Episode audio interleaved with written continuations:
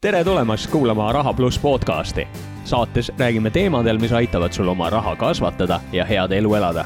räägime jõukusest, selle kasvatamisest ja säilitamisest. tänases saates räägime Vallo Arumäega Armenson Kapitalist sellest, mis on inflatsioon ja kuidas selle vastu oma vara kaitsta ja võib-olla isegi kasvatada. mina olen Priit Kallas, ettevõtja ja investor. tere, Vallo! tere, Priit!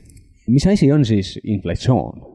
Hästi lühidalt öeldes on siis äh, põhimõtteliselt tegemist hindade kasvuga, nii kaupade kui ka teenuste hindade kasvuga, mida siis mõõdetakse teatud ajaperioodi lõikes ja, ja sageli see mõõdik on siis viimase kaheteist kuu jooksul hindade kasv lisaks sellele on veel selline number nagu tarbijahinnaindeks, see tiksub üles umbes samas taktis nagu, nagu inflatsioon, aga, aga mis nende erinevus on või mis see tarbijahinnaindeks on mm? -hmm. tarbijahinnaindeks äh, mõõdab siis sellise keskmise võib-olla eratarbija sihukest ostukorvi et mida ta regulaarselt ostab ja kuidas siis need äh, võib-olla esmatarbekaubad siis ajas muutuvad.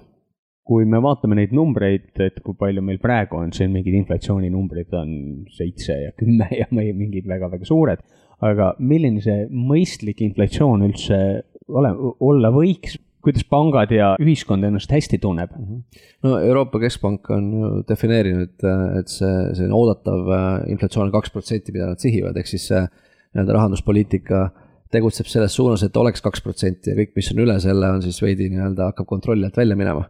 et tänane situatsioon, kus meil on äh, Euroopas ja USA-s on äh, inflatsioon üle seitsme protsendi ja Eestis äh, kaksteist protsenti, et see kindlasti ei ole tavapärane olukord ja seda väga tihti ajaloos ei ole ka juhtunud.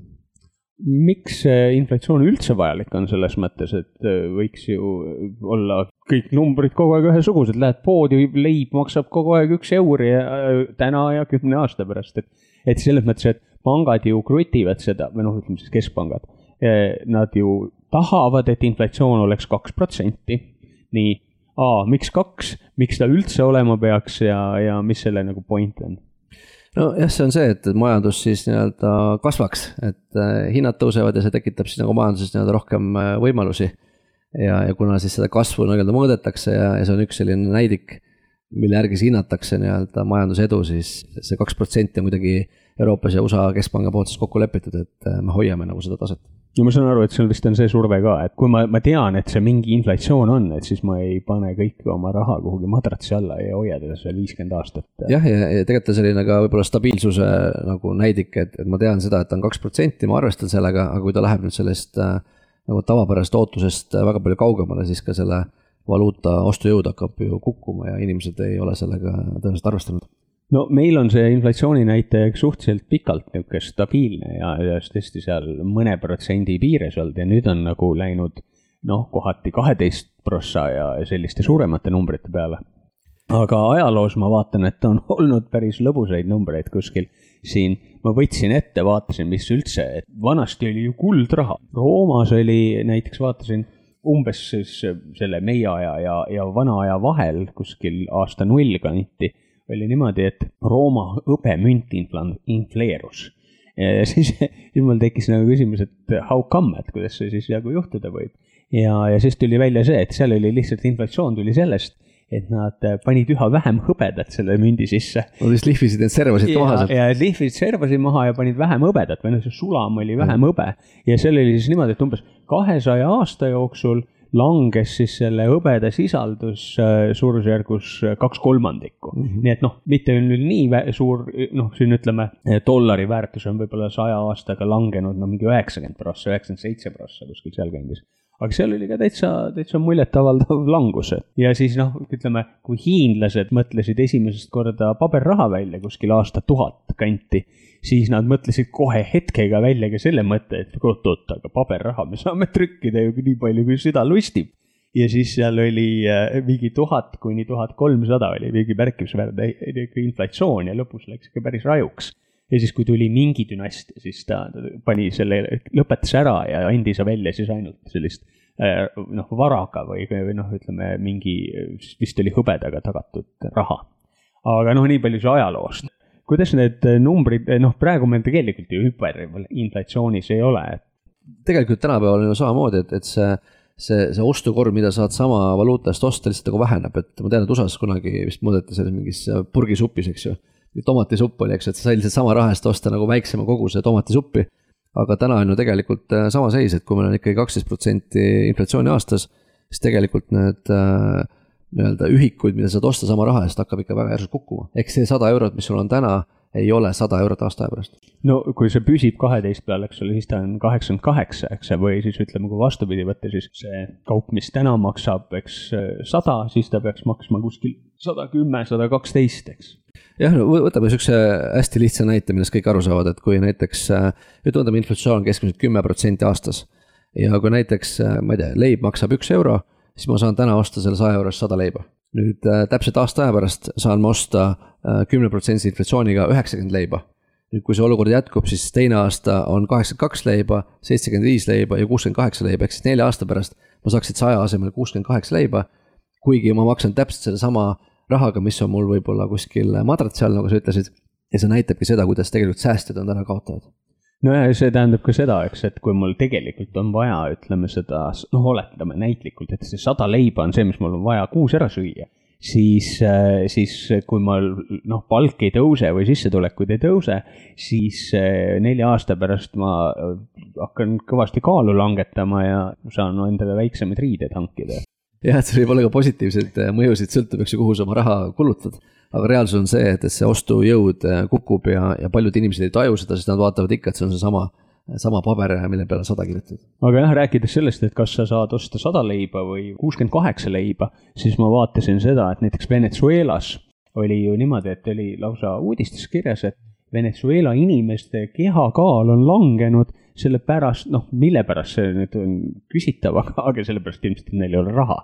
aga kui ma vaatasin ajaloost järgi, et siis kuigi kõige teravam neil seal oli, siis kaks tuhat kuusteist kuni kaks tuhat üheksateist oli neil natuke kõrgem inflatsioon kui meil, ehk siis viiskümmend kolm miljonit protsenti oli selle perioodi jooksul noh, selge on see, et kui viiskümmend kolm miljonit protsenti on mingi raha inflatsioon, siis eks alguses oli sada ja lõpus oli null lihtsalt, eks mm. -hmm. et noh, lihtsalt raha hävis ja siis ilmselt leiti mingid muud lahendused, pluss siis see, eks ole, tehti palju partnertehinguid. nojah, et, et neid kõrgeid inflatsioone tegelikult leiab ju ka tänapäeval, eks ju, et kasvõi siitsamast noh, ütleme, Türgi on selline Euroopa piiripealne riik, eks ju, aga Türgi inflatsioon oli ka siin üle kuuekümne protsendi näiteks eelmisel kuul, eks ju. see on päris huvitav jah, et ma, eh, ma nüüd isegi aastat ei mäleta, aga ütleme umbes kakskümmend aastat tagasi. siis me käisime sõpradega, käisime Türgis ja siis oli hästi äge oli vaadata, et oli korterilaenu reklaam oli suure posti otsas ja siis seal oli kirjas, et nüüd ainult sada kakskümmend kuus prossa aastas et nagu no isegi Eestis tolle, tol ajal olid ka kõrgemad need korterilaenu intressid, aga, aga ikkagi noh, see sada kakskümmend kuus prossa oli päris muljetavaldav, nii ongi, eks ole. sul kuuskümmend prossa on see inflatsioon ja siis ta mhm. tahab natuke peale ka saada ja riskipreemiat ka ja sinna ta läheb. aga see on tegelikult hästi huvitav vaata, et igas selles äh sihukeses nagu kriisis või, või ebamugavas olukorras on alati nagu need ohud, aga on olemas ka võimalused, eks ju. ja nüüd, kui enne rääkisime sellest, et säästjad on kaotajad, siis tegelikult samas olukorras võlgnikud on võitjad. ehk siis mida suuremaks inflatsioon läheb, seda rohkem võlgnikud jälle võidavad, nii et sõltub, kummal pool lauda seda mängu mängid ja, ja kas sa oskad siis ennast õigele poole positsioneerida, kui see asi nii-öelda muutub. no siin võib igaüks, kes endale on korteri hankinud, põhimõtteliselt ju aru saada, et kui sul on äh, ütleme, korterilaenu intress on kaks protsenti, eks ole, ja, ja inflatsioon on kaksteist, siis see kümme prossa sa põhimõtteliselt teenid iga aasta. kui sul on sada tuhat laen, eks ole, siis sa põhimõtteliselt saad kümme tuhat nagu väärtuse kasvu pangaarvelt, sellepärast et pank ei, ei mõelnud seda läbi või, või konkurentsitingimused ei võimaldanud tal kõrgemat intressi küsida, eks ole. just, või teisisõnu, siis sa maksad kaksteist protsenti odavama rahaga seda laenu tagasi, mille intress on ainult kaks protsenti, nii et see võit on äh, ilmselge, eks. seal on kindlasti oluline ka see osa, kui sul on äh, palk, mis on nagu fikseeritud või sissetulekud on fikseeritud, siis see muidugi lööb päris kõvasti. sellepärast, et sa saad odavama, noh, sisuliselt sa saad küll tuhat eurot palka, aga see tegelikult on väärt nüüd juba üheksasada, eks mm.. et äh, need, kes ei ole indekseeritud sissetulekuga, ehk siis nagu võib-olla ettevõtjad või ka investorid, siis aktsiate hinnad ja sellised asjad ju lähevad üles või noh, koos inflatsiooniga, eks. või noh, üldse kõikide asjade hinnad lähevad koos inflatsiooniga ülesse, välja arvatud siis palgad, kus sa pead A palka juurde küsima või riiklikutel organisatsioonidel palka määratakse juurde. just, ja kui sa võtad Eesti näidet, eks, et viimased kolm kuud on see olnud keskmiselt kaksteist protsenti ehk kui ütleme, kuulaja nii-öelda palk ei ole kaksteist protsenti kasvanud kolme kuu jooksul, siis tema ostukorv on oluliselt väiksem, kui ta oli varem. siin tuleb igal, igaks juhuks täpsustada, et see protsent on ikkagi aasta. et kui tal kolme kuu jooksul ei ole, siis kolm protsenti. jah, kui sa jagad neljaga selle. jah, et enam-vähem nii ta on Eestis on kaksteist prossa, mingid Saksamaa numbrid, USA numbrid, ma olen näinud siin noh, on kuskil viie, seitsme, kaheksa tuuris. kuidas nende numbritega on? Palju nad reaalsed on, selles mõttes, kui me vaatame, kui palju raha on juurde trükitud, siis teoreetiliselt peaks see inflatsioon ju veel, veel, veel, veel kõrgem olema mm. -hmm. mõte on ju selles, et kui meil eile, noh, ütleme enne seda, kui Covid hakkas, oli noh, ütleme kümme raha oli süsteemis sees ja nüüd on kakskümmend raha süsteemis sees, siis ju tegelikult oleks pidanud inflatsioon olema ju nagu viiskümmend prossa. no mhm. natuke oli tootlust ja produktiivsuse kasvu ka, aga, aga ikkagi. kuidas need numbrid eh, nii-öelda ametlik versus eh, empiiriline või tunnetuslik on ju? jah, ma arvan, see ei olegi väga avalik info, et kuidas need kalkulatsioonid võib-olla ka ajas on muutunud, et noh, USA näitel ma tean seda, et see inflatsioon, mis oli kaheksakümnendatele, mida peetakse nii-öelda viimase aja üheks kõrgemaks. seal vist oli mingi paarteist või mingi...? see oli paarkümmend protsenti oli, eks ju. ja, ja see, see kalkulatsioon, kuidas seda siis arvutati, on hoopis erinev sellest, kuidas praegu arvutatakse ja, ja loomulikult see arvutusmetoodika muutub kuidagi sellel, sellel moel, et, et see kipub nagu väiksemaks minema. et kui me võtame sellesama metoodika, siis tõenäoliselt USA inflatsioon ei oleks mitte praegu seitse protsenti, vaid oleks seal umbes viisteist protsenti. nii et selles mõttes ta on ikkagi võib-olla natukene nii-öelda juhitud äh, sealt keskpankade poolt, et seda pilti ilusamana näidata, kui see võib-olla tegelikult on. ja, ja võib-olla siis rahustada siis nii-öelda turge, et asi pole nii hull, aga lõpuks, äh, kui me poodi lähme, siis me ikkagi näeme, et, et need hinnad on päris palju muutunud. Siis teine küsimus on jälle see, et kui meil inflatsiooninumber on, eks seal äh, suurusjärgus. Euroopa Liidus on seitse pool praegu. okei okay,, no seitse pool prossa ja, ja interest rate'id hetkel on negatiivsed ja siis nad tahavad, tõstame need, ma ei tea, no üheni või pooleteistkümneni. isegi see ju ei ravi seda haigust. on sul aimu, oled sa näinud, mis kuskil mujal on juhtunud sellise asjaga, et kuidas, kuidas see edasi läheb? jah, et siin nagu mingit loogikat ei ole, et see kuidagi võiks olla probleemi lahenduseks, et ju märtsi keskel, eks ju, USA keskpank äh, tõstis äh, null koma kakskümmend viis protsenti. aga kui sul inflatsioon on seitse, noh isegi kui sa nüüd jätkad siin äh, selle, nad vist lubasid kuus või seitse korda nüüd tõsta siin aasta jooksul ütleme, et me jõuame siin kuskil sellise kahe protsendi peale lõpuks, siis meil on ikkagi inflatsioon on siin äh, viis protsendipunkti või rohkem äh, suurem. et, et ega ta tegelikult seda olukorda ei lahenda ja see praegune väljakutse ongi see, et, äh, et ei olegi nagu head lahendust. see inflatsioon on ikkagi nii-öelda kontrolli alt väljas ja, ja me räägime kõik sellest veel, mis oli ennem siis seda nii-öelda sõjaolukorda, mis nüüd kiirendab kogu seda protsessi no üks asi veel, et mul kogu aeg oli nagu mingi sisemine tunnetus, et on kahte sorti inflatsiooni, et suur mingi majandusgeenius ei ole, siis ma hakkasin nagu mõtlema selle peale, et see Covid ja sõda on tekitanud need tarneahela kriisid. kui meil muidu on nagu selline inflatsioon, mis tuleneb sellest, et inimesed, noh, produktiivsus kasvab, inimestel on raha rohkem käes, nad annavad selle vabamalt ära, kuna neil seda, seda ülejäävat raha on võib-olla natuke rohkem ja siis, ja siis ta tõuseb ja tõuseb ja tõuseb. ja see on nagu see, see osa, mida oleks vaja nende intressimääradega takistada, selles mõttes siis nad ei tunne ennast nii reipalt ja mhm. kulutavad vähem, eks ole, siis jääb inflatsioon seisma. aga see, mis meil praegu on, et tulles sinna leibade ja porgandite juurde tagasi, siis on ju see, et meil on läinud üles autohinnad mm. -hmm. autohinnad ei ole läinud üles mitte sellepärast, et inimestel on rohkem raha autohinnad on läinud üles sellepärast, et äh, Ukraina on maailma suurim äh, rauatootja, on ju, või rauamaagid on seal kõige suuremad ja siis on tarneahelad on Covidiga pihta saanud, siis nad on Venemaalt sõjaga pihta saanud. ehk siis, kui meil ennem oli sada porgandit ja siis kõik maksid selle eest, maksti sada raha, siis täna inimesed tahavad ikka sada porgandit, aga porgandeid on seitsekümmend ja nüüd nüüd on see jama, et meil noh, raha ei ole juurde tulnud, aga me maksame ikka selle raha selle mm -hmm. porgandite eest ära. nii et hinnad tõusevad, aga mitte selle arvelt, et majandus on kasvanud, vaid lihtsalt selle arvelt, et meil on selline tarnija, mitte tarnija, aga tootja poolt tulenevad sisendite hinnatõus, mis ei ole noh, selline klassikaline inflatsioon oma mõttes. jah, et siin tegelikult need äh, nii-öelda tarneahelad ja see rahandussüsteem on ikkagi päris sassis, et kui vanasti nagu see reaalmajandus ikkagi reguleeris seda äh, nii-öelda finantsmajandust või intressi poolt, siis praegu on justkui nagu vastupidi, et seal ikkagi keskpanga poolt tehakse mingeid väga niisuguseid keerulisi tehinguid selleks, et siis seda nii-öelda olukorda paremini näidata ja, ja see reaalmajandus siis kuidagi lohiseb järgi, eks. Ja, ja praegu noh, kui see porgandite näide juurde võtta, kogu majandus koosneb, oletame, ainult porganditest. Ukraina on meil ka suurim mustvullavööndiga piirkond, et nüüd meil on ennem, Eestis on vaja sada porgandit ja nüüd on äh, seitsekümmend ainult saadaval no aga me tahame, me oleme nõus selle eest oma sada ära maksma, sellepärast et kui me sadat ei maksa, siis maksab Läti ja saab omale rohkem porgandeid ja kokkuvõttes, kui nüüd arvestades, see on ainuke majandus mm, -hmm. selge, et ta ei ole, aga ülilihtsustades, eks mm, -hmm. siis kui nüüd selles olukorras intresse tõsta siis me keerame ju seda hinda veel ülesse, aga kuna see hind, eh, raha mass ei ole tulnud produktiivsuse arvelt, siis me sisust lööme noa ja keerame seda. just, ehk siis mõlemad variandid on täna halvad, eks ju, et kui sa, kui sa tõstad intresse, siis nagu majandus kukub kokku ja kui sa intresse ei tõsta, siis kasvab inflatsioon kontrolli alt välja.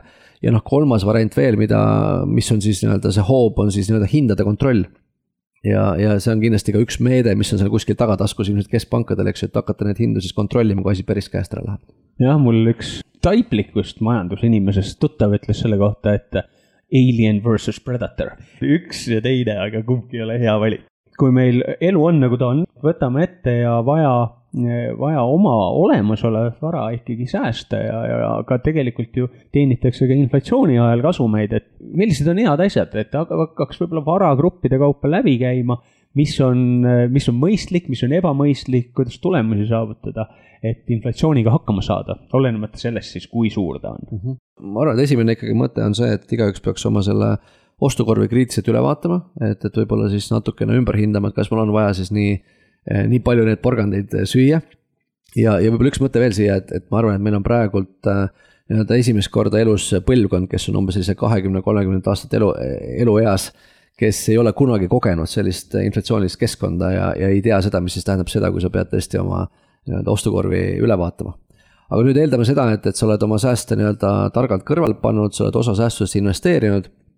et räägime siis sellest, et kuidas need nii-öelda, mis on need varaklassid, mis siis võib-olla tänases olukorras äh, nii-öelda paremini vastu peavad ja mis on sellised ohtlikumad? no ma alustuseks võib-olla äh, hakkame sellest pihta, et kuigi sul võiks, võiks olla mingi reaalselt nagu rahavaru ka, et kohe on sularaha vaja, et see varu on olemas, aga täna võiks see olla nii väike kui võimalik, sellepärast et kõik, mis sul seal on, siis noh, arvestame täna selle Euroopa Liidu seitse pool prossa, siis sellest on sul järgmine aasta seitse pool vähem järgi jah, no ideaalses, ideaalis võiks sul olla sellises mingis muus likviidses varas, äh, mida sa saad siis nagu realiseerida, kui see vajadus nagu tekib, aga et mitte hoida siis liiga suurt puhvrit, sest sa tead seda, et see täna, tänases hetkes äh, kaksteist protsenti kukub äh, aastaga, eks hakkame pihta võib-olla siis nendest asjadest, mis kõige tavalisem investor alustab võib-olla mingitest väärtpaberitest mm. -hmm. väärtpaberi hind idee poolest peaks ju ikka enam-vähem inflatsiooniga kaasas käima või?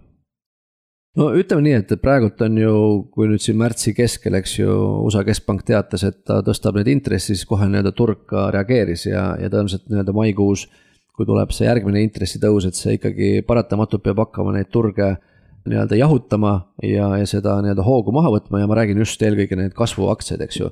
ja see on see koht, kus enamus äh, investoreid täna investeerivad. ehk siis ma ostan odavalt äh, lootuses kallimalt müüa ja, ja kuna meil siin see pidu on üsna pikalt kestnud, siis äh, paljud usuvad, et see jätkub. aga sellises äh, inflatsioonilises majanduskeskkonnas tõenäoliselt varem või hiljem tuleb selline järsem kukkumine. ja seetõttu peaks olema kasvuaktsiatega kindlasti ettevaatlikum selles mõttes ega varaklassi päris maha ei saa kanda, et kui aktsiate poole vaadata, siis tõenäoliselt tuleks mõelda selle peale, et needsamad porgandid ja, ja leivad, kui võib-olla ma ei lähe Big Maci ostma, aga saia leiba on ikka vaja infrastruktuuri asjad, energiavärgid, noh, nagu me praegugi näeme, et kui suur jama on sellega, et kui, kui me tahame mingist energiaallikast loobuda, siis see on nagu raske asi ja kui inimestel, kui sa investeerid aktsiasse, mille väärtus tuleneb energiakandjatest, siis, siis enamasti see võiks olla päris hea, hea tulemus. Jah, et me peame ikkagi selle muutuva keskkonnaga niimoodi hästi kiiresti kaasas käima, et kuna need muutused on täna väga-väga suured ja, ja me tegelikult ei oska täpselt hinnata, et kui suur see mõju siin võib järgmiste aastate puhul olla. et siis me kindlasti peame nii-öelda kiiresti oma portfelli hindama, üle vaatama ja kui see olukord muutub, et siis ka neid positsioone muutma. ja kui me räägime aktsiatest, eks ju, siis noh, laias plaanis ongi meil kasvuaktsiad ja väärtusaktsiad. ja, ja väärtusaktsiad on siis sellised võib-olla stabiilsemad äh, ettevõtted, kus siis äh, sõltumata sellest väliskeskkonnast tegelikult see kasum säilib, eks ju, inimesed ikka joovad vett ja tarbivad energiat. Ja, ja seal siis ettevõtted on jätkuvalt kasumlikud ja suudavad ka iga-aastaselt dividende maksta. teine varaklass, mis võib-olla inflatsioonis no, on nagu tõesti võib-olla välja visata, on siis igasugused võlakirjad, jah, mis on fikseeritud just, et siin nüüd, äh, kui vaatan need nii-öelda need valitsuse võlakirju, et siin on ka sellised väga huvitavad äh, äh, nii-öelda protsendid, eks ju, et siin on vist USA, kas viie aasta võlakirjadele vist kaks protsenti on praegult, eks ju, see intress. Ja nüüd, kui olukord, kui on USA-s on seitse protsenti inflatsioon, siis saad põhimõtteliselt garanteeritult viis protsenti miinust, eks ju. Aga muidugi on ka mingid võlakirjad, mis vist on inflatsiooniga indekseeritud, aga, aga jah, et enamus see niisugune klassikaline, et siis kui sa võtad garanteeritult miinus viis sisse, siis see vist oli eh, Warren Buffett, rule number one. Never lose money, meelega sellist asja, sellest varast tuleb lihtsalt lahti saada, juhul kui sul seda on kogemata just ja tegelikult, eks see ongi nagu keeruline väljakutse, eks ju, kui sul see nagu väliskeskkond hästi tugevalt nagu muutub ja sul inflatsioon on hästi kõrge. et seda inflatsiooni nii-öelda lüüa, mis võiks olla sihuke elementaarne strateegia, siis võibki olla selline aastahetkel, kus seda ongi paljudel väga raske teha millised asjad veel võivad olla, et mingid varad, mis hoiavad väärtust ja, ja enamasti on näidanud, et nad hoiavad väärtust, tõenäoliselt kinnisvara võib olla mm -hmm. üks neist esimene, kes välja tuua või? Jah, kinnisvara on olnud üsna stabiilne, noh, loomulikult nüüd noh, Ukraina näidet ei saa siia kõrvale tuua, eks ju, et see on esimest korda inimesed võib-olla tajuvad seda, et, et kinnisvara ka ei pruugi olla nagu nii kindel, kui sul on sõjaolukord, aga see on ikkagi väga selline erakorraline seis, mis on Ukrainas, eks ju. aga jah, kinnisvara üldjuhul on äh, läbi aastate hoidnud sellist mõõdukat kasvu, selline kaks-kolm protsenti aastas äh, üldjuhul kasvanud.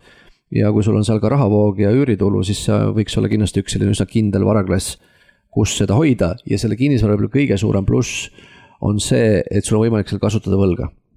me teame seda, et võlgnikud on võitjad ja kinnisvara on see, mille vastu pangad kõige meelsamini sulle võlga annavad, siis see võib olla üks võib-olla eelistatumaid valikuid äh, praegusel hetkel, kui on kõrge inflatsioon ja kinnisvara on stabiilne. no nagu me rääkisime päris alguses, kui sa oled võtnud sada tuhat korterilaenu ja sinu intress on kaks ja inflatsioon on kümme, siis sa põhimõtteliselt teenid saja tuhandese laenu pealt iga aasta kaheksa tonni. just, et ja kui sul on veel hea kinnisvara, eks ju, sa saad selle kinnisvara nii-öelda hinnakasvu, eks ju. sa saad endale üüritulu, sa saad selle, et su üürnik maksab sinu laenu veel põhiosa tagasi, pluss sa saad veel selle inflatsiooni ja intressi vahevõidu, eks ju. üks asi, mida tasub muidugi välja tuua, on see, et kinnisvara see Ukraina näide on tõeliselt drastiline, et see kinnisvara tõesti võib ka nulli kukkuda, aga no loodame, et meil ei juhtu seda. teine pool on see, et kui see inflatsioon ja mingi rasked olud viivad mingi mäge, noh, majanduskriisini, eks ole, siis meil ju ka kaks tuhat kaheksa, üheksa seal mingi nelikümmend prossa kinnisvara hävis, eks, et selleks, et nagu üles-tagasi jõuda, läks oma kümmekond aastat no see sõltub ka sellest, et mis, mismoodi sa täna kinnisvarasse investeerid, eks ju, kas sa investeerid kinnisvarasse äh, selle eesmärgiga, et osta see odavalt ja mingeid kallimalt maha müüa. või sa investeerid selleks, et saada nagu rahavoogu. nüüd, kui see üüriturg nagu säilib, siis tegelikult ei ole vahet, kas sul see kinnisvara äh, maksab äh, sada tuhat või ta maksab äh, kaheksakümmend tuhat, kui ta toob sulle ikka sama palju üüritulu ja see katab ära sinu nii-öelda laenu, mis siis on vaja pangale ära maksta see on jah, päris hea mõte, mis sa välja tõid, et üks küllaltki niisugune mittelastne või sellest vähem muutuv asi on äh, üüripindade üürihinnad. et kui meil kinnisvara hind võib langeda, siis äh, see üürihind ei lange nii kiiresti sinna taha järgi kuigi see on noh, ütleme tegelikult ei ole pointi, aga sa, sa saad, sa näed, kuidas sul tootlus läheb ülesse, kui see kinnisvara hind läheb alla, just, ehk siis tegelikult see küsimus, mida ei pea, peaks küsima, on see, et kui palju ma saan siis nii-öelda tulevikus üüri. mitte see, kui palju on selle kinnisvara hind täna, sest see tegelikult see hind ei oma selles mõttes mingit tähtsust, kui sa tahad saada rahavoogu missugused varad meil veel on, et kinnisvara on meil, noh, see on kõigil väga teadaolev vara, aga asju, mida osta on veel, et, et nii palju, kui ma ise olen uurinud, siis mitmesugused toorained ja, ja maavarad ja kõik selline kraam. jaa, absoluutselt, see tegelikult, kui me räägime siin füüsilisest kullast ja hõbedast näiteks, siis see on tegelikult üks lihtsamaid ju varasid, mida igal inimesel on võimalik endale soetada loomulikult, kui seda nüüd äh, saada on, et kui nüüd selline äh, väga järsk sõjaolukord tekib, et siis võib ka juhtuda seda, et sa ei saa seda füüsilist kulda nagu osta. ja see hind, millega sa osta saad, on oluliselt kõrgem siis sellest, millega sa maailmaturul kaupleb. aga ma arvan, et jah, selline kuld, hõbe ja üldse energia, eks ju, nafta, nisu, need toorained kindlasti tänases olukorras hoiavad väärtust ja pigem kasvavad, sest see nii-öelda kriis järjest suureneb. aga no seal tuleb ikkagi kindlasti arvestada sellega ka, et kuigi ütleme, kui me võtame kulla lihtsalt nagu idee kullast, eks ole, siis tal on mingi sisuline väärtus, mis ka muidugi on inimeste peas, aga siis ta kõigub ümber selle yeah. väärtuse, eks ole. ja kui tuleb nagu praegune aeg on, siis ta kõigub ülesse kõvasti ja kui sa nüüd praegusel hetkel seda ostma hakkad, siis võib olla see, et kui rahunemine toimub, siis ta kõigub alla tagasi, et siis ostad kõrgelt ja müüd odavalt, eks ole. jah, ma ütleks, et, et füüsilise kulla-hõbeda võib-olla siis see kõige suurem väärtus on see, et, et ta nagu hoiab võib-olla sinu tänast äh, nii-öelda eurodes olevat väärtust ajas aga sellele miinus on see, et seal ei ole nagu rahavoogu, et, et see, et sa hoiad nagu madrat seal on väga tore, aga ta ei too sulle mitte midagi sisse. aga samas jälle sihukeses kriisiolukorras, nagu me täna oleme ja, ja me ju ei oska hinnata, kui kaua see kestab siis see pigem see surve on, et selle kulla ja hõbeda hind kasvavad. nüüd see ei tähenda seda, et nende hind kasvab, see tegelikult tähendab seda, et selle valuuta või euro hind tegelikult kukub. no ja teine pool on ka selline noh, ütleme, nimetame massipsühhoos või selline surve tahta seda juurde, kui kõik vaatavad, oo, riskid kasvavad, ostame kulda, siis noh, lihtsalt see nõudluse kasv tõstab hinda ilmselt ka, eks ole. absoluutselt ja kui sa võtadki tänast olukorda, eks ju, et, et me oleme kaksteist protsenti inflatsiooniga täna Eestis. enne seda, kui tekkis äh, see nii-öelda sõjaolukord, mis siis tähendab seda, et me ilmselt püsime selles topelt või ütleme, kahekohalises inflatsiooni protsendis äh, veel mõnda aega.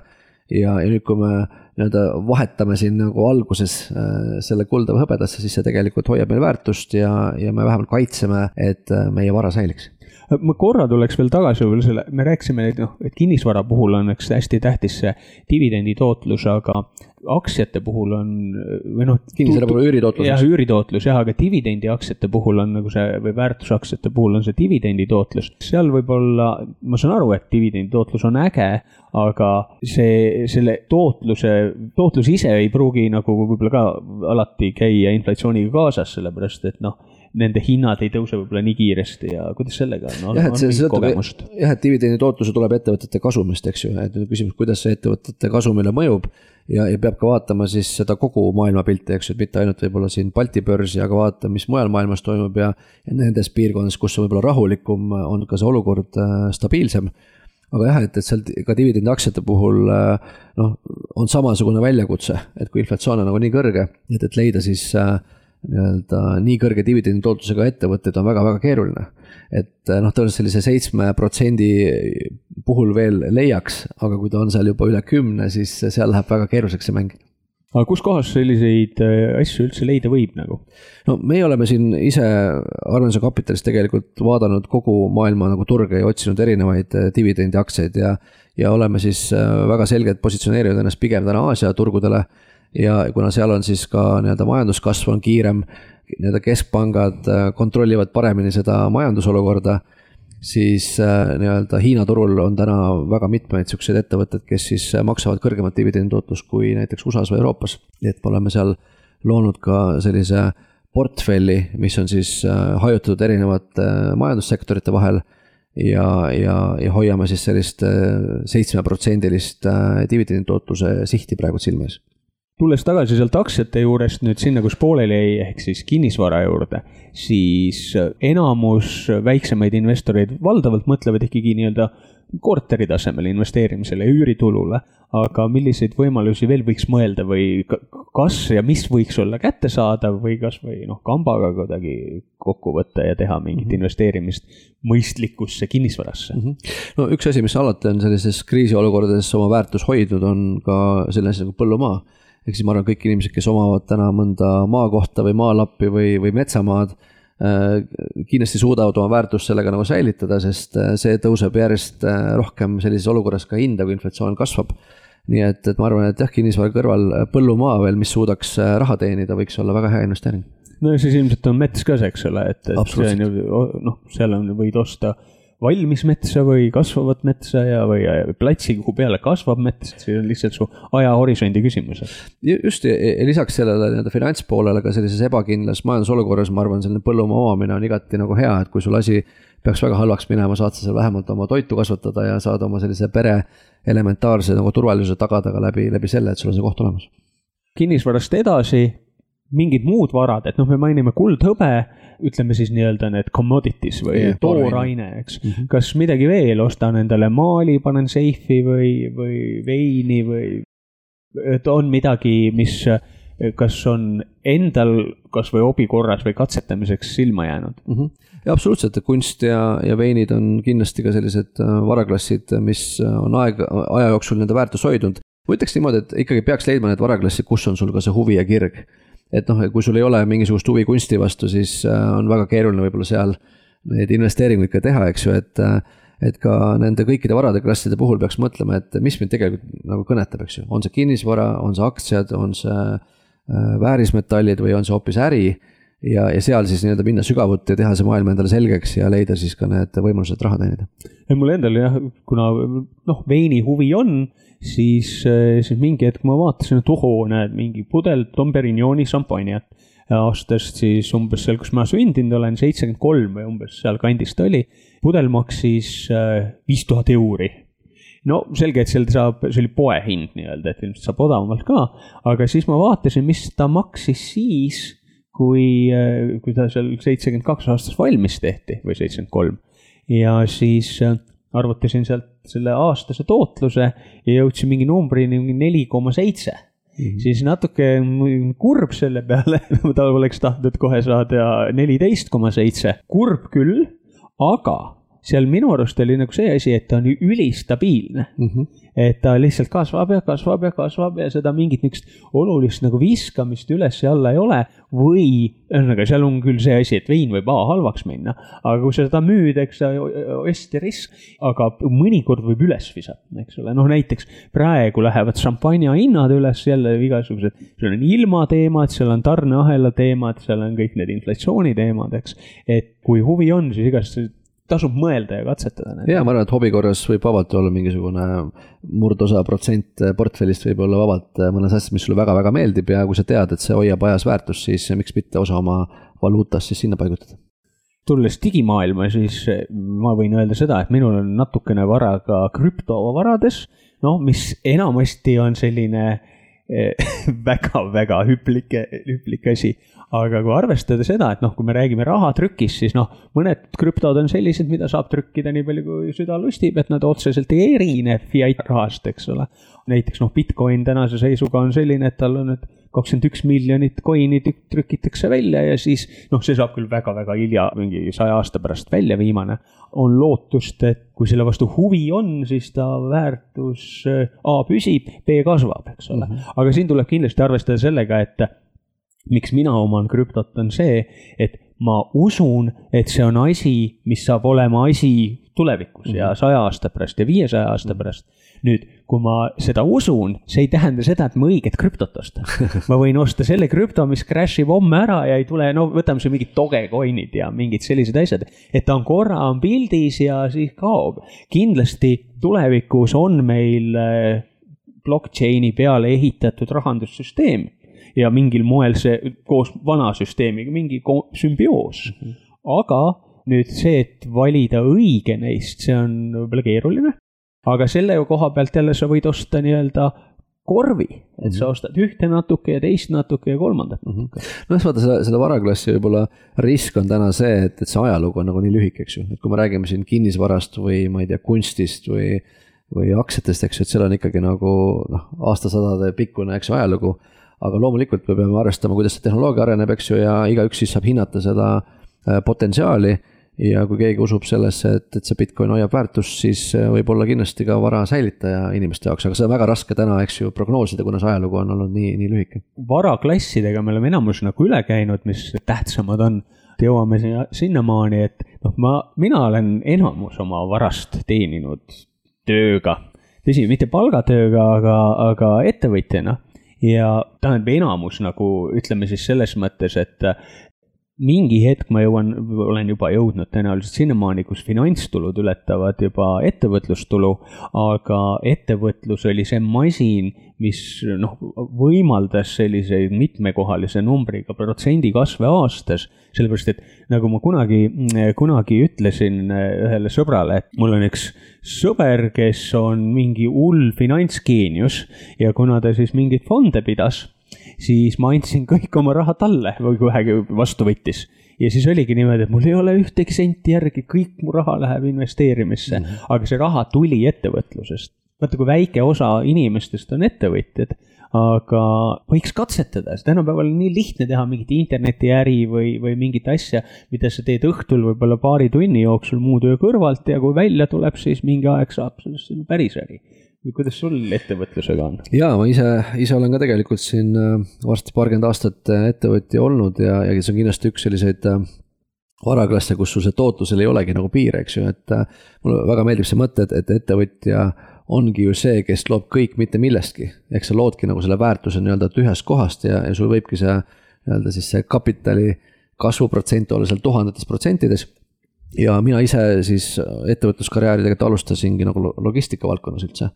Et olles siis selles valdkonnas mingid aastad töötanud, ühel hetkel siis ka soetasin osaluse ja tegelikult kuni tänase päevani see nii-öelda logistikaärist tekkiv nii-öelda dividenditulu noh, aitab väga palju elamiskulusid katta. ja selle väärtus on kindlasti aastate jooksul oluliselt kasvanud. nii et kui sellist ettevõtlus pisikut ja vaimu ja pealehakkamist ja julgust on, siis kindlasti ma arvan, see on üks varaklasse, kus on võimalik kõige suuremat tootlust saada tõsi, on ju ka, ma ei tea, Ray Dalio ja Warren Buffett, kes on noh, nii-öelda investeerimisega teeninud raha. aga kui nüüd me mõtleme, mida nad investeerisid, siis nad investeerisid teiste raha. Põhimõtteliselt oli tegemist ikkagi ettevõtlusega, nad pidid kellelegi maha müüma selle idee, et kuule, tule pane minu fondi oma raha jah, ja ütleme, tegelikult on ka ikkagi selle taga on sisuliselt nagu äri, eks ju, et selle äri iseloom on lihtsalt investoritelt äh, raha kaasamine aga jah, et põhimõtteliselt sul on võimalik siis kas ehitada suur ettevõte, millel on siis väärtus, äh, mis sulle dividende maksab. või siis kaasata teiste inimeste kapitali ja, ja miks mitte see kombinatsioon sellest võib olla väga hea no ja Warren Buffetti äh, äri on ikkagi see, et ta noh, mingitel hetkedel on ostnud täis suuri ettevõtteid, mis ta on restruktureerinud ja, ja sellega siis noh, tegelikult tegelenud reaalselt ettevõtlusega, leidnud sinna asjalikud juhid, andnud neile head võimalused tegutsemiseks. Aga muidugi, kui me vaatame neid inimesi, kes nagu kõige-kõige rikkamad on, eks ole, siis nad on peaaegu kõik on ju äh, ise selle raha teinud, ütleme Gates ja mm, ja Musk ja noh, Jobs ja mm, ja nii edasi ja nii edasi. võtadki omal mingi kolmkümmend kuni viiskümmend aastat ja sada miljardit taskus. no see, see põhjus, miks sa, miks nendest ettevõtetest saavad ka ühel hetkel investorid, on see, et, et sul ongi äri, mis sulle toob selle kapitali ja seda kapitali sul on vaja hakata ju investeerima, et selle väärtust mitte kaotada ja, võib-olla see väikeinvestori väljakutse ongi see, et seda kapitali ei ole piisavalt palju. et kui su ainuke kapital tuleb näiteks palgatööst või, või mõnest väiksest äh, äh üksikettevõttest, no siis see kapitali osa, millega investeerida, on väga väike, väike. Versus see, et sa lood ikkagi ärisüsteemi, kus sul on sul võib-olla kümned töötajad, mis sul toob iga-aastaselt kasumit ja, ja seda kapitali investeerida on äh, nii-öelda palju suuremates mahtudes võimalik teha üks asi, mida ma ka, no ütleme, need, kes juba on ettevõtjad, nendele kindlasti ütleks, on see, et äh, hakka teadlikult tee oma ettevõtte investeerimisportfell või konto või no ühesõnaga tee, tee see eraldi nurgake ja, ja see reegel on see, et see, sinna paned kõigepealt raha kui ma esimest korda elus hakkasin sellega toimetama, siis oli niimoodi, et põhimõtteliselt mul oli ettevõte, aga ma elasin nagu praktiliselt peast suhu, eks mm. -hmm. ja siis ma tegin niimoodi, et iga kanne, mis ettevõttes toimus, nii sisse tulevad kui välja minevad, kui ma maksin arve või mul tuli sisse raha, siis ma sealt teatava protsendi siis samal hetkel kandsin noh, mingile teisele kontole mm. -hmm. ja siis sinna mul tekkis raha. ja, ja siis mingi, ja see, see kasvas nii kiiresti, et, et siis ma sellega sõitsin sisse sinna kaks tuhat kaheksa majanduscrash'i siis sai see kõik raha kohe otsa aga kui mul seda ei oleks olnud, siis oli, oleks täiesti kõik, no siis oleks katastroof. ja, et see on tegelikult seesama harjumus, eks ju, mis ka eraisikute puhul ju tasub teha, et sa maksad endale esimesena ja paned alati raha kõrvale. siis sama me saame teha ettevõtjatena, eks ju, et kui meil see nii-öelda tulu ja kasum tekib, et me regulaarselt igakuiselt paneme kõrvale, näiteks ka täna Starfish Academy's, kus ma olen ka täna tegutsev kaks korda kuus paneme siis nii-öelda tuludest teatud protsendi kõrvale selle nii-öelda kasumikontole ja see seal kogub ja kasvab ja, ja mingil hetkel saab seda raha siis ka investeerida, eks ju. ja, ja võib-olla üks mõte veel, et, et me mõlemad oleme tegelikult ettevõtjad ja investorid ja nii palju, kui ma olen ka ringi vaadanud, siis kuidagi see ettevõtja investori kombinatsioon on ikkagi see, mis nagu pikaajaliselt edu toob. ja, ja olen ka kohanud äh, selliseid ettevõtteid, kes siis võib-olla loovadki suure äri, aga nad pole mitte kunagi investeerimise peale mõelnud ja hakkavad seda mõtlema alles siis, kui see nii-öelda suur äh, võib-olla kasum tekib kasvõi ettevõtte müügist aga et pigem tasuks nende asjade peale hakata kohe korraga nagu mõtlema, väikeste sammudega nagu mõlemast maailmast pilti ette looma ja ma arvan, et see valem töötab pikaajaliselt kindlasti neid ettevõtjaid, kellel natukene võib-olla raha pihku jäänud, on kindlasti palju ju, tuhandeid. pane, pane midagi kuhugi idanema, et ta ei seisaks sul lihtsalt konto peal. kus mul see, miks ma seda ütlen, on see, et ma oma valdkonnas, milleks on turundus, vaatasin äh, hiljuti üks Ameerika väga edukas internetiturundusmees rääkis avatult, kuidas ta oma ärisi on ehitanud, kuidas ta on jõudnud sisuliselt nullist umbes siis sellise paarimiljonilise varani, netoväärtuseni, eks. ja siis, kui ta näitas seda, tegi lahti oma pangakonto, see on praegu nagu mingi viimase kuu aja jooksul. ja siis tal seisis seal pangakonto peal seitsesada tonni dollareid. saad aru, see ju kukub tal nagu iga kuuga üks protsent seitsmesajast tuhandest mis iganes, pane SB viiesaja indeksfondi või, või kuhu iganes. ja siis ta noh, selles mõttes, kuna ta rääkis kõigest väga avatud kaartidega, väga tore oli, siis noh, tal oli ka, ta oli juba alustanud, aga tal sinna kuhugi eraldi varadesse või investeerimiskontosse oli pandud siis võib-olla kümme protsenti kogu sellest rahast, et ta liikus õiges suunas aga lihtsalt see, et mul, mul läksid silmad suureks, kui mingi seitsesada kaheksakümmend tuhat dollarit seisab sul konto peal praeguses olukorras.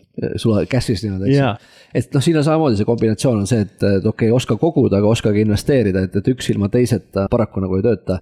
ja noh, ma arvan, see, see kogumise pool kindlasti ettevõtjana on kindlasti väga-väga tähtis, ma arvan, et väga vähesed seda täna teevad ja, ja mis on ka sellise võib-olla väikeettevõtja väljakutse sageli on see, et justkui sihukest kasumit kunagi nagu ei teki, et tahaks kogu aeg reinvesteerida ja lõpuks sa kulutad selle raha ära.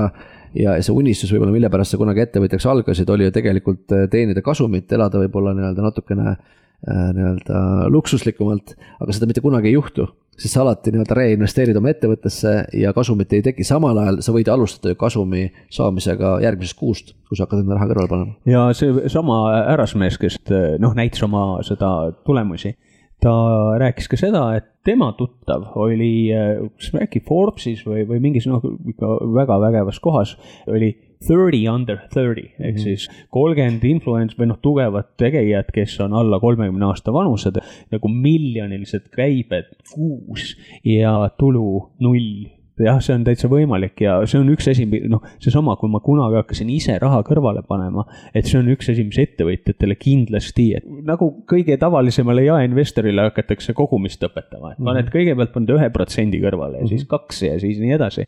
ja üks raamat, mille täpset nime ma ei mäleta, aga vist oli Profit First oli yeah. selle nimi. ma panen siia selle saate juurde lingi ka selle raamatu peale et äh, ettevõtja võiks seda kindlasti lugeda, et esimese asjana võtad kasumi ja siis vaatad, mis sa siis edasi saad teha. just ja mul on seesama metoodikat, oleme nüüd siin äh, ühes oma ettevõttes siis üle kahe aasta kasutanud, iga kvartal olemegi seda protsenti nagu tõstnud ja tegelikult on hästi vahva näha, kuidas see nii-öelda kasumikonto siis nagu kasvab ja, ja seda kunagi varem ei ole sellisel moel olnud.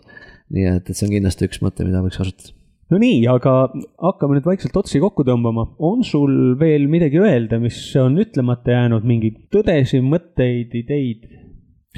ma ütleks, et ütleme, kuna see väliskeskkond on meil väga palju ikkagi nagu muutunud, eks ju. et siis me peaksime mõtlema täna selle peale, et, et kuidas siis ikkagi leida neid äh, häid varasid, äh, investeerida varadesse, mis siis aja jooksul võiksid nagu kasvada ja, ja, ja miinimum, mis teha, on siis vähemalt kaitsta oma tänases olukorras äh, oma varasid, eks, et kui me suudaksime vähemalt äh, saada tootluse, mis siis äh, kas siis kataks inflatsiooni või lööks inflatsiooni, et see võiks olla selline miinimumeesmärk iga investori jaoks. ja nüüd see, millises varaklassis keegi seda teeb, peab igaüks loomulikult valima, aga ma pigem ise vaatan selliste konservatiivsemate valikute puhul, kui ajad on segasemad. sellega täna lõpetame rääkisin Vallo Arumäega sellest, kuidas inflatsioonist jagu saada või natuke ka sellest, mis see siis inflatsioon on, kust ta tuleb ja kuidas saada võib-olla paremat tootlust, kui, kui see inflatsioon sul ära sööb. aitäh, Vallo! aitäh, Priit! kohtume järgmises saates! tänan, et kuulasid Raha pluss podcasti, milles räägime investeerimisest, ettevõtlusest ja sellest, kuidas jõukus järgmiste põlvedeni kestaks. kõik saate osad ja artiklid leiad aadressilt armensoncapital.com kaldkriips raha pluss kuula meie järgmist saadet juba mõne nädala pärast